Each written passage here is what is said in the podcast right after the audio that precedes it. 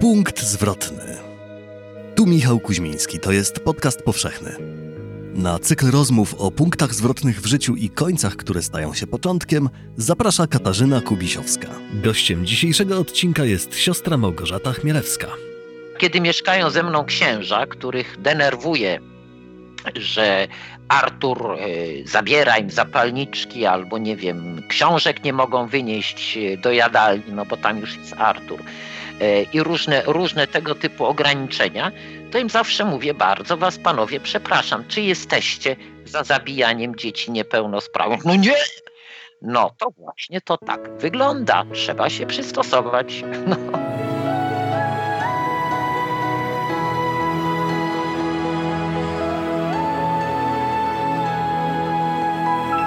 Podcast powszechny. Weź, słuchaj. Dzień dobry, Katarzyna Kubisiowska z Krakowa, z, ze studia Tygodnika Powszechnego przy Wiśnej 12. Dzisiaj będę rozmawiać z siostrą Małgorzatą Chmielewską. Dzień dobry, siostro. Dzień dobry, dzień dobry pani, dzień dobry słuchaczom. Siostro, proszę powiedzieć, gdzie siostra teraz jest? Jestem w malutkim pokoiku, w malutkiej wsi, która nazywa się Nagorzyce, w Świętokrzyskim, u stóp gór świętokrzyskich. Za oknem właśnie wróble tutaj do karmnika przylatują, są ich całe tłumy. Wspaniale, w Krakowie już nie ma wróbli. Poleciały do was. Ale ja sobie specy specjalnie tutaj hodujemy. Mamy całe stada ptaszków, które zresztą nie dopuszczają żadnych obcych plemion. Nad naszym terenem latają strażnicy z tych ptasich grup i odstraszają wszystkie obce ptaki. A są tak tłuste, naprawdę nasze, nasze oczywiście, tłuste, błyszczące. Aha. Dopieszczone przez człowieka. Siostro, ja bym dzisiaj chciała z siostrą porozmawiać o punktach zwrotnych w siostry życiu i pierwsza myśl, która przychodzi siostrze do głowy, to jest jaka? W dorosłym życiu no to takimi punktami zwrotnymi było przede wszystkim spotkanie z Chrystusem, ten moment, w którym, w którym uznałam, że tak, to jest On i to jest, Ewangelia jest prawdą. To i zaczęłam ją najzwyczajniej w świecie wprowadzać w swoje życie. Ale który to był moment w Pani życiu? Jaki, w jakim wieku siostra była? Ja byłam wtedy na studiach. Z tym, że, z tym, że ja zaczęłam studia mając lat 17, więc najzwyczajniej w świecie, ponieważ szukałam prawdy, ponieważ czytałam różne rzeczy, rozmawiałam z różnymi ludźmi, od Koranu po po hinduskie księgi, wówczas bardzo trudne do dostania, ale po angielsku. I w którymś momencie po prostu trafiwszy na, na Ewangelię, którą przeczytałam na serio, uznałam, że to jest to, że to jest prawda i że wobec tego, jak jest to prawda, to należy to natychmiast zastosować. To oczywiście, co rozumiałam wtedy, jak czytałam jakiś fragment, starałam się to wprowadzić w życie. Mark Twain powiedział kiedyś: Nie boję się tego, czego nie rozumiem w Ewangelii, ale tego, co rozumiem. Tego, czego nie rozumiem, nie wprowadzam w życie to, co rozumiem. Mam obowiązek tym żyć, bo Chrystus jest życiem. To był taki punkt zwrotny. Później na bazie tego punktu zwrotnego, już takiego takiego opartego na Chrystusie, spotykałem różnych ludzi, między innymi dziewczynkę, która była ogromnie zaniedbana i, i to była moja uczennica wówczas w czwartej klasie podstawówki. I, no i jeżeli się wprowadza w życie Ewangelię, to trzeba było coś z tym zrobić. I to było moje pierwsze dziecko w rodzinie zastępczej. Później po kolei stawali przede mną różni ludzie, i, I ci ludzie niejako te spotkania kierowały moim życiem. Trzeba było coś zrobić. Trzeba było coś zrobić, tak jak już mówiłam, dla ludzi bezdomnych. Potem trzeba było coś zrobić, bo w domu, który otworzyłyśmy, było za mało miejsca z moją przyjaciółką Tamarą. Później trzeba było coś zrobić, bo trzeba było coś zrobić dla matek z dziećmi, trzeba było coś zrobić dla kobiet starszych, niepełnosprawnych, dla chorych, po kolei. Później stawały przede mną kolejne dzieci i też trzeba było coś zrobić. To były punkty zwrotne, bardzo mocne. kiedy, kiedy pierwszy był Artur, kiedy trzeba było zadecydować, czy oddać Artura. Miał wówczas 3 lata, był niepełnosprawny, choć nie było jeszcze widać jak bardzo wówczas jak bardzo jest niepełnosprawny. No to było 30 lat temu, prawda? To było, to było więcej jak 30 lat temu, to było 31 lat temu, dobrze, bo on ma 34 lata, miał 3 lata. I tak po kolei, y, po kolei. Ale proszę powiedzieć siostro o Arturze troszkę więcej, bo musimy tutaj jakby... Siostra y, zdecydowała się na adopcję. Nie, Artur nigdy nie był adoptowany. Artur był w rodzinie zastępczej. Żadne z moich dzieci, bo później stawały przede mną kolejne. W sumie pięcioro mam, tak, i dobrych kilkoro wnuków. Żadne z moich dzieci nie było przeze mnie adoptowane, również z tego powodu, że e, no, ja byłam już w habicie i byłaby to dla tych dzieci dosyć trudna sytuacja. E, bycia dziećmi zakonnicy. No, nasze społeczeństwo, zwłaszcza wówczas, nie było takie znowu elastyczne.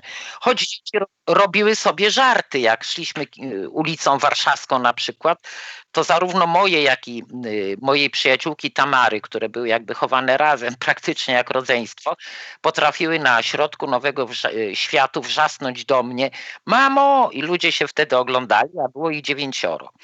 Także... Siostra, a to siostra właśnie sobie myśli, a może bardziej co czuje, jak y, słyszy mamo? W tej chwili, no to czuję się jak, no, czuję się, bo ja się czuję ich matką oczywiście, a one, one czują się moimi dziećmi i to jest myślę ogromny ich sukces, że potrafiły ze swoich tragicznych przeżyć wyjść Y, przynajmniej na tyle, żeby zaakceptować sytuację i żebyśmy mogli się pokochać. Oczywiście nie było to łatwe ani dla jednej, ani dla drugiej strony. Dlaczego? No dlatego, że po pierwsze to były dzieci wszystkie, które miały i pamiętały, oprócz Artura, e, i pamiętały swoje biologiczne matki. E, to jest jedna rzecz. Po drugie, to były dzieci po ciężkich przejściach. Za e, akceptowanie, zmiana zupełnie życia o 180 stopni, zaakceptowanie przede wszystkim utraty matki biologicznej, e, zaakceptowanie zupełnie nowej sytuacji, w sumie obcej osoby, którą na początku e, byłam, e, plus przetrawienie, można powiedzieć, wszystkich dramatycznych czy traumatycznych sytuacji, które się przeżyło. Dla dziecka, to było ogromne wyzwanie. Dwoje moich dzieci e, było już w wieku szkolnym, kiedy, kiedy się spotkaliśmy, i to były dzieci, które nigdy nie chodziły do szkoły do momentu spotkania ze mną. A więc e, cały proces jakby e, powrotu do, do życia dziecięcego, do dzieciństwa, do życia szkolnego, to było bardzo trudne. I, e, I zawsze, długo, bardzo długo, całymi latami pozostawała za dziećmi, w dzieciach tęsknota za, czy niezrozumienie, dlaczego porzuciła ich matka. E, oprócz jednej dziewczynki, której mama po prostu zmarła i, i to ona doskonale wiedziała co się stało, e, więc tu była też inna sytuacja, co oczywiście nie było dla niej łatwe też. Siostra, jak to jest być no, mamą Artura? Zawiesiście. Nie wolno używać brzydkich wyrazów. E, więc e, Artur jest e, autystykiem, niepełnosprawnym intelektualnie e, i życie z Arturem to jest i niebo i piekło. E, jest to wspaniały facet, oczywiście wymagający opieki 24 godziny na dobę, ale e, bywa niezwykle trudny tak jak bardzo wielu ludzi autystycznych ma, oprócz tego ma padaczkę lekooporną, a więc musi być na naszych radarach, jak nie moim, to ktoś musi z nim być, ktoś musi zawsze w pokoju obok niego spać, bo ataki ma również w nocy. W domu są kamery, co też nie chroni przed, przed wypadkiem parę dni temu przewrócił się w korytarzu. Oczywiście byliśmy dwa metry od niego, ale, ale trochę sobie tam czoło stłukł. Ma psa asystującego, który nie przewiduje ataków padaczki, ale zawiadamia w momencie, kiedy on upadnie gdzieś w jakimś miejscu, którego możemy nie zauważyć. No bo to jest właśnie niemożliwe, żeby, żeby dopatrzeć absolutnie wszystkiego, chociaż całe nasze życie jest na to nastawione, moje i ludzi, z którymi mieszkam. E, Artur e, jest fantastyczny, ale jednocześnie bywa szalenie trudny, zwłaszcza kiedy ma napady agresji, napady takie e, autystyczne ciągów powtarzania tego samego, prób demolowania. To jest jeden chyba z przejawów ataków padaczki. Niszczenia, demolowania, agresji też w tym fizycznej. E, przy czym jeśli się umiejętnie postępuje, to, to nie zrobi nikomu krzywdy, ale no jest to trudne. Siostra, jak się długo uczy takiego Artura? Kiedy siostra już jakby zrozumiała, jakie są, e, muszą być zasady e, w relacji z Arturem? Zasady są żelazne.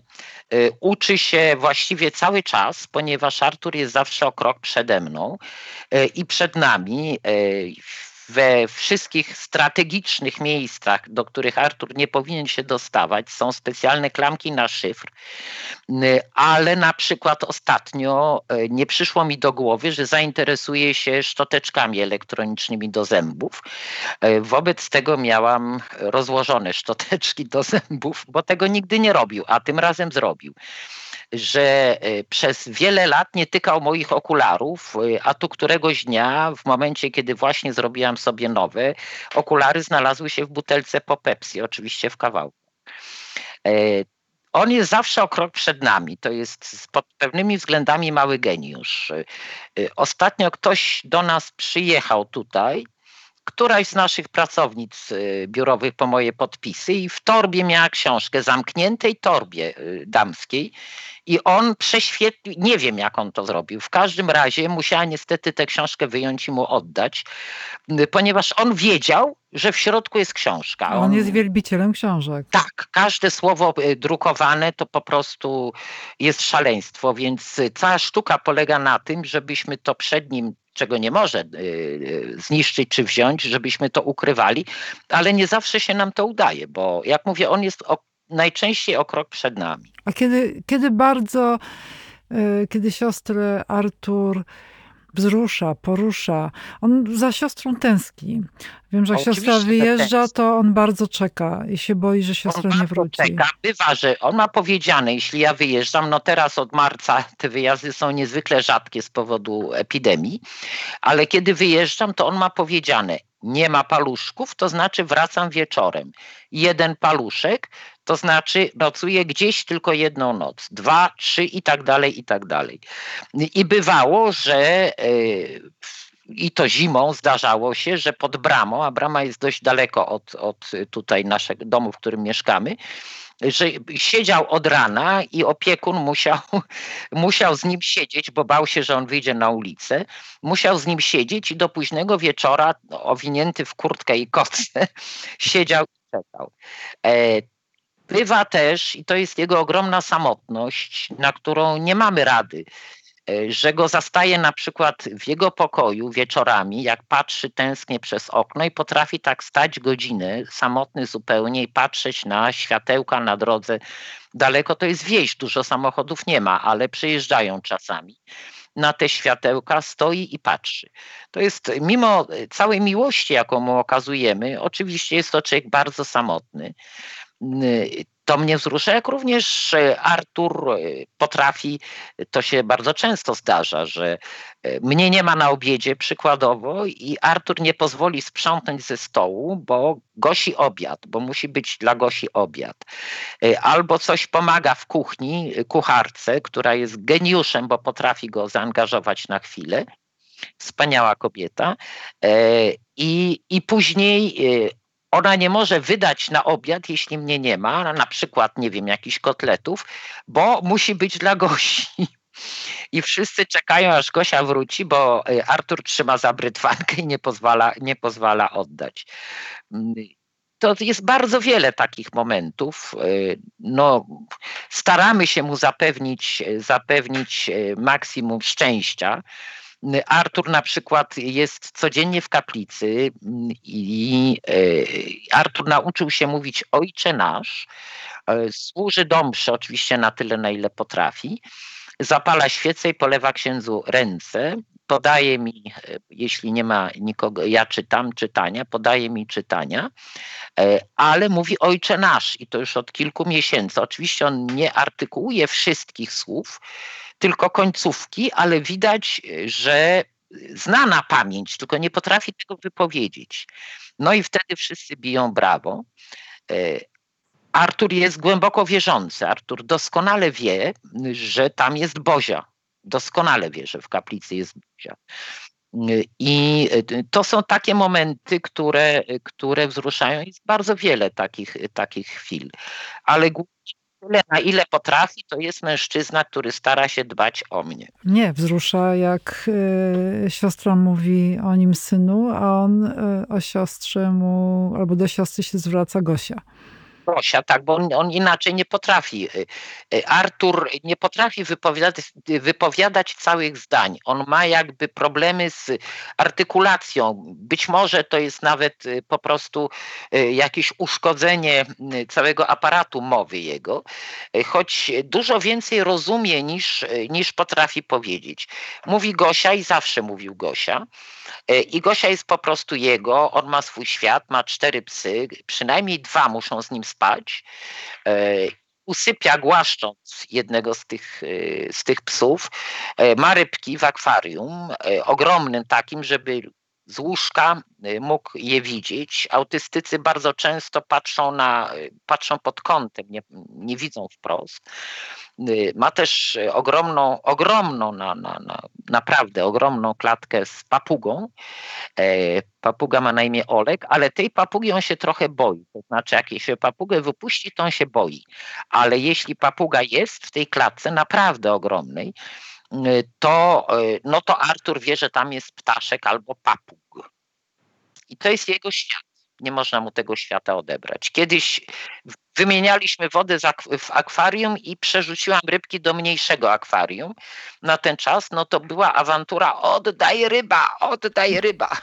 Siostra, kiedy siostra zaczyna tęsknić za Arturem? Ile musi minąć godzin albo dni? Proszę panią, że jak się ma niepełnosprawne dziecko, bo on jest nadal dzieckiem. E, od 30 lat, 24 godziny na dobę, e, to się już jest zaprogramowanym. Nawet jeżeli się zdarzy, że ktoś Artura weźmie, na przykład jeden z moich synów, weźmie na, na 24 godziny do siebie, to ja się cały czas oglądam, gdzie on jest, bo to już jest wdrukowane, to po prostu tego się nie da wyrwać. No, jeśli się, mówiąc nieładnie, przez 30 lat ktoś wy, wytrenował, wytresował, mówiąc bardzo nieładnie, e, to nie ma takiej opcji, żeby, żeby już żyć jakby poza światem Artura.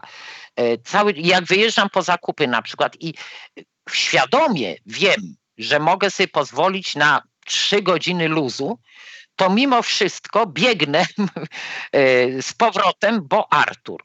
To tak jest i to, to wszyscy rodzice, opiekunowie osób niepełnosprawnych, zależnych tak bardzo jak Artur mają. E, dlatego dla mnie wyjazd bez Artura oczywiście jest jakimś oddechem, ale z drugiej strony ciągle to tkwi w podświadomości, a gdzie jest Artur? Jak go zabiorą, to ja się oglądam wieczorem, gdzie Artur, bo leki mu trzeba dać to tak jest. No. Jak, jak siostra regeneruje siłę? Bo to jednak e, taka intensywność bycia z drugim e, człowiekiem wymaga jednak regeneracji. To jest jedno pytanie i dodaję tutaj drugie.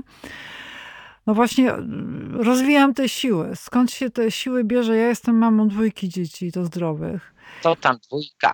Dziewięć to dopiero było. No właśnie, więc, więc ja się pytam, siostro, skąd? Skąd te siły i gdzie się je regeneruje? W jaki sposób? Siły fizyczne, no to niewątpliwie jest w jakimś sensie też i dar. E, nie oznacza, że należy je marnować bez sensu. E, na pewno, na pewno moim życiem i życiem tych, którzy ze mną żyją, w tym również i z Arturem, pod jednym dachem, co też dla innych nie jest łatwe.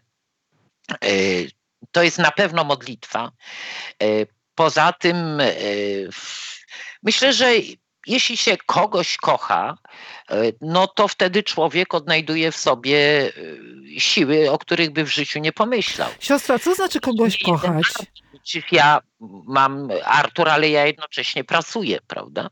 Paradoksalnie, kiedy, kiedy dzieci, reszta dzieci była ze mną, teraz są dorosłe e, i już nie mieszkają ze mną, ale kiedy reszta dzieci mieszkała ze mną, to ja miałam dużo łatwiej, dlatego że one bardzo często zajmowały się Arturem i potrafiły to robić.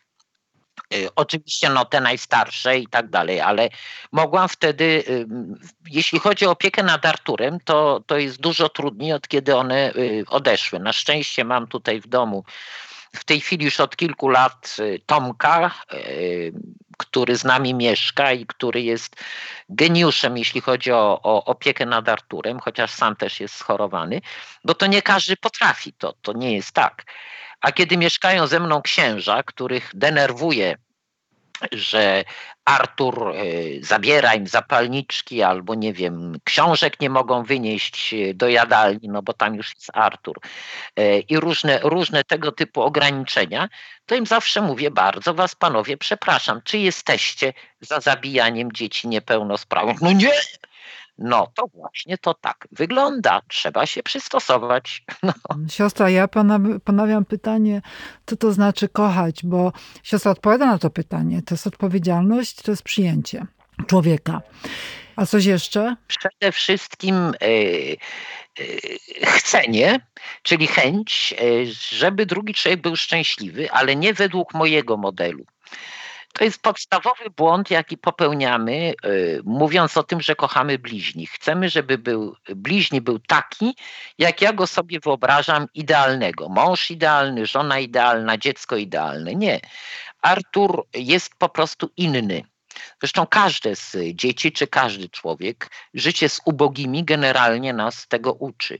E, I nie można, oczywiście są pewne wartości, które, świat, które jakby są zapewnieniem, że człowiek będzie e, szczęśliwy, chociażby dekalog. E, Pan Bóg nie mówi, nie kradnij, nie cudzołóż, bo to prawda, grom z nieba, bo to jest B. Nie, nie rób tego, bo jak będziesz to robił, to nie będziesz szczęśliwy. Taki jest sens dekalogu. E, chodzi o nasze, nasze szczęście, o naszą wolność, każdego z nas. E, więc wracając do głównego tematu, e, to jest tak, że kochać to chcieć, żeby drugi człowiek był szczęśliwy, ale według pewnych wartości. Jeżeli widzimy, że ktoś kradnie i przez moment będzie szczęśliwy, bo będzie miał złotą bransoletkę, którą zajumał jubilerowi, to wiemy dobrze, że to szczęście będzie trwało krótko, że on nie będzie szczęśliwy, więc należy w tym momencie zrobić wszystko, żeby przestał kraść, a bransoletkę oddał, zanim go policja złapie. E, to oczywiście jest taki e, gruby przykład. E, życie z ubogimi nas tego uczy. Nie stosuj własnych norm szczęścia, mm, oprócz tych właśnie wartości podstawowych. Bardzo często w stosunku do naszych ludzi bezdomnych też chcielibyśmy zastosować nasze normy szczęścia, y, a nie, to nie jest tak. Y, wartości to co innego, ale norma szczęścia to, to jest zupełnie co innego. Kiedyś y, zwróciłam uwagę matce, że jej dzieci są brudne, a ona mi na to, ja się też tak wychowałam i widzisz, zupełnie nieźle wyrosłam.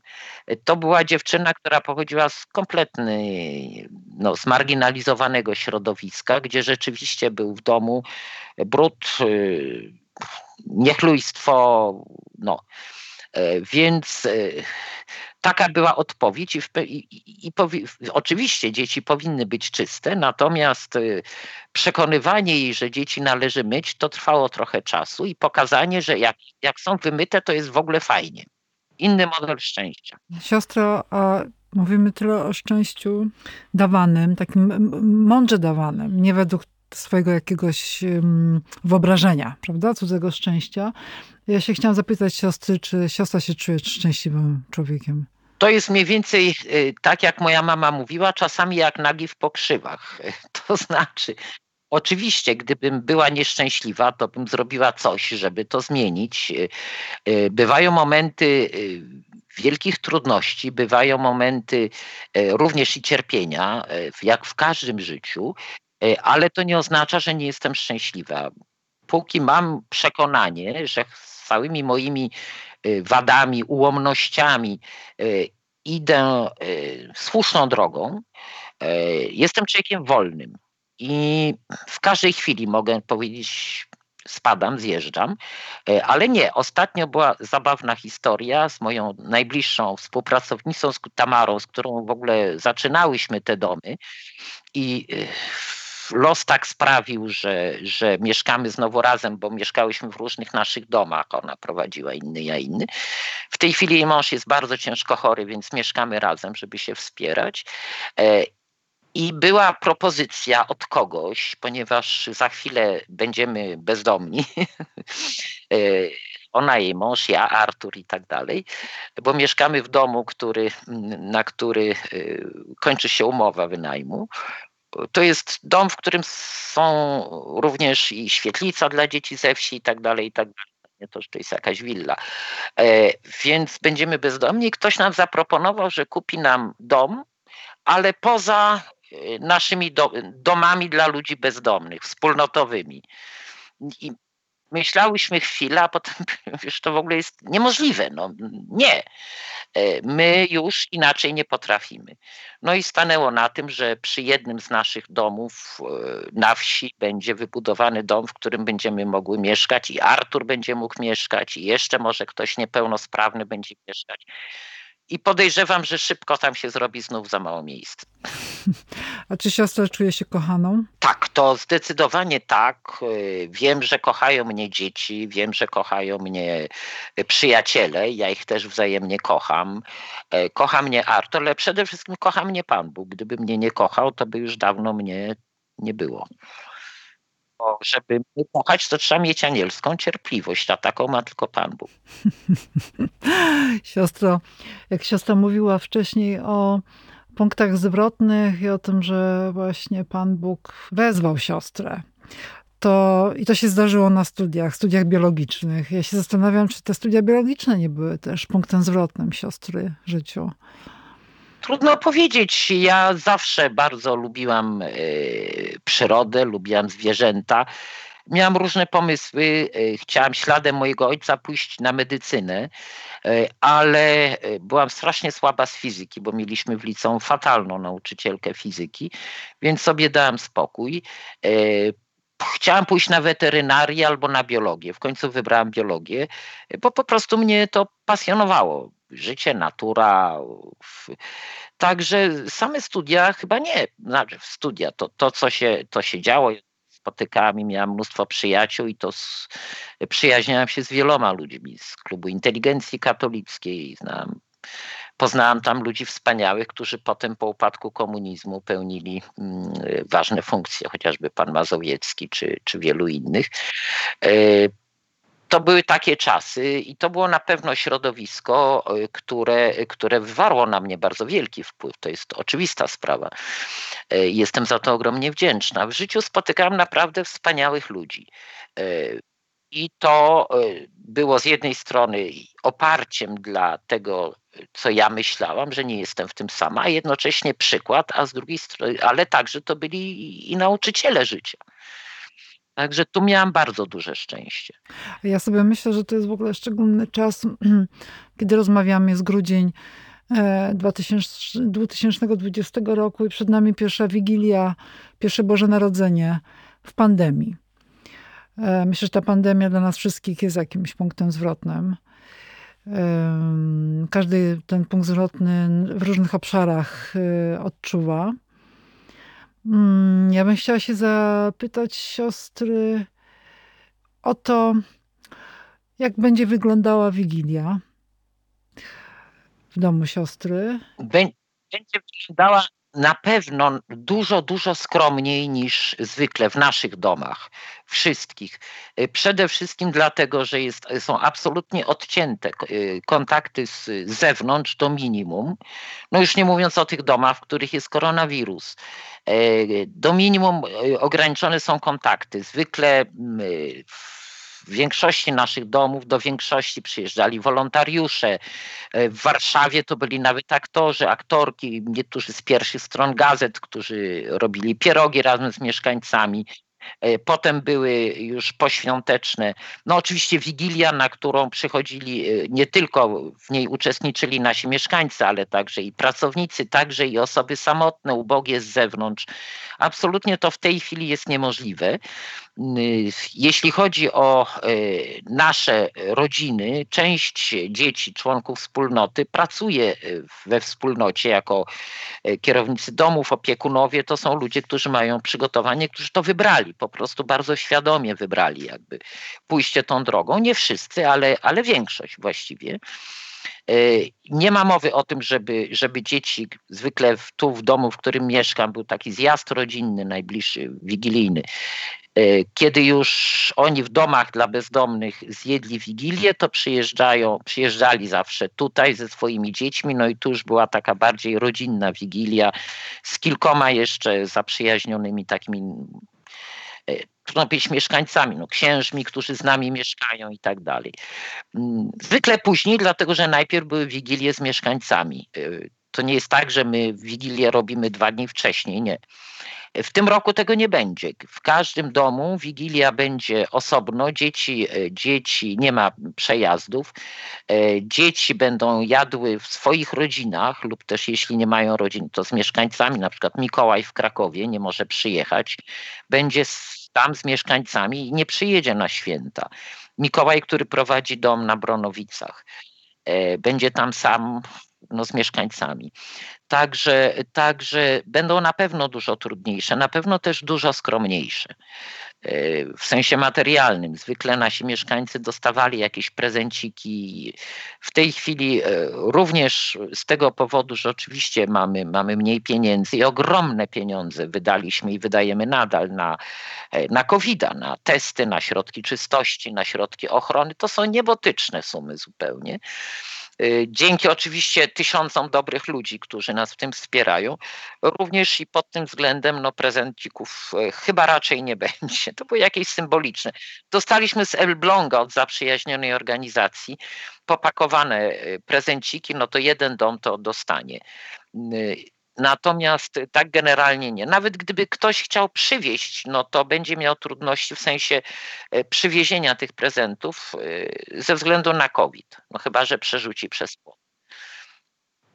Ale będą święta.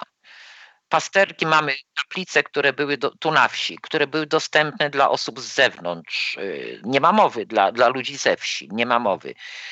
Tam, gdzie jest COVID w schroniskach, nawet mszy świętej nie będzie i nie będzie pasterki to rzeczywiście jest bardzo trudne dla nas wszystkich. A czego bym mogła siostrze pożyczyć? E, co by się siostra chciała, żeby się spełniło? Żebym ja życzyła, a później się to spełni. Myślę, że życzymy sobie wszyscy i o to się modlimy, żeby skończyła się epidemia, e, żeby jak najmniej ludzi umarło, e, bo jednak ofiary śmiertelne są i to nie, jest, to nie są żarty. E, to jest jedno. Drugie, żeby udały nam się nasze plany. Będziemy od przyszłego roku budować e, dom w Warszawie dla ludzi bezdomnych, chorych, naprawdę taki porządny, gdzie ludzie będą mieli bardzo dobre warunki. Więc e, żeby się to mimo epidemii udało i, i żebyśmy dożyli otwarcia tego, ja przynajmniej, żebym dożyła otwarcia tego domu, a potem to już niech się bieda wścieka. Przede wszystkim wolni i dobrzy dla siebie. I to jest, myślę, najważniejsze. Dobrzy dla siebie. Nie tylko dla osób z naszego plemienia, ale dla wszystkich.